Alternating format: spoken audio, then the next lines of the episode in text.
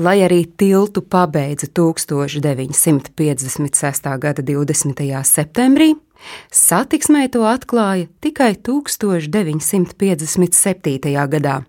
Tilta svinīgā atklāšana notika 1957. gada 21. jūlijā ar nosaukumu Oktobra tilts par godu 1917. gada oktobra revolūcijas gadadienai.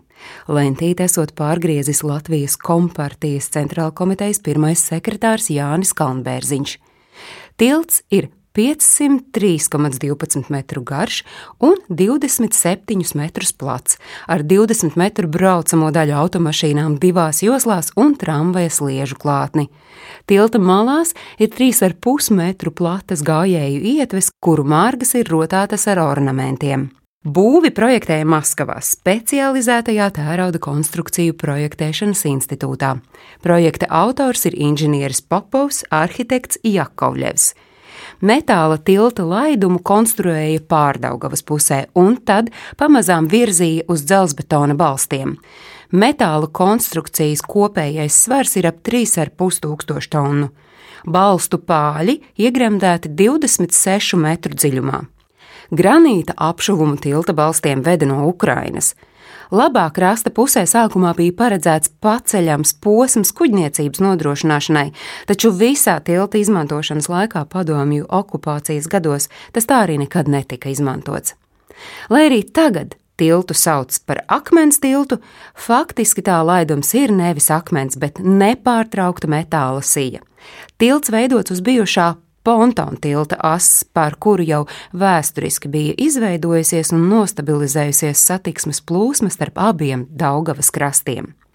Ja atskatās tālākā pagātnē, tad 18. gadsimtā te bijis plostu tilts, pa kuru varēja pārvietoties vasarās, no aprīļa līdz novembrim, bet Daugavai aizsalstot to novāca, un tad cilvēki gāja pa ledu.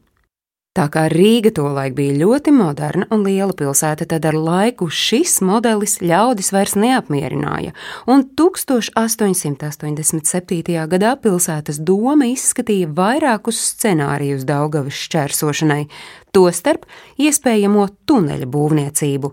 Lai arī tuneļa projekta īstenošana nav bijusi daudz dārgāka par tiltu un ļautu ērtāk pārvietoties kuģiem, Eksploatācijas izmaksas, piemēram, diennakts apgaismojums 19. gadsimta otrajā pusē, tomēr bija pārāk lielas, tāpēc izšķīrās par labu tiltam. Tā nu šajā vietā tika uzcelts 35 pontonu tilts ar peldvietu pa vidu. Ieejas maksa peldētavā bijusi vien dažas kapeikas. Tur atradušies arī koka zviļņi, Tie bija paredzēti tiem, kuri pēc ūdens procedūrām vienkārši vēlējās pagozēties saules staros, un ūdens tajā laikā Daugavā esot bijis gana tīrs, lai tur varētu peldēt. Interesanti, ka gājēji tiltu izmantoja bezmaksas, pārējiem gan par nokļūšanu otrā Daugavas krastā esot nācies maksāt. 1976. gadā, tolaik vēl oktobra tiltam, izbūvēja tagadējo estakāžu sistēmu. 1992. gada jūnijā tiltu ar Rīgas pašvaldības deputātu lēmumu pārdēvēja par akmens tiltu. Vēl pēc dažiem gadiem atklājās, ka tiltam nepieciešams kapitālais remonts, jo padomju laikā bija atjaunots tikai brauktuves klājums. Remonta darbus sāka 1998. un pabeidza 2003. gadā. Stāstījumu sagatavoja Agnese Drunka.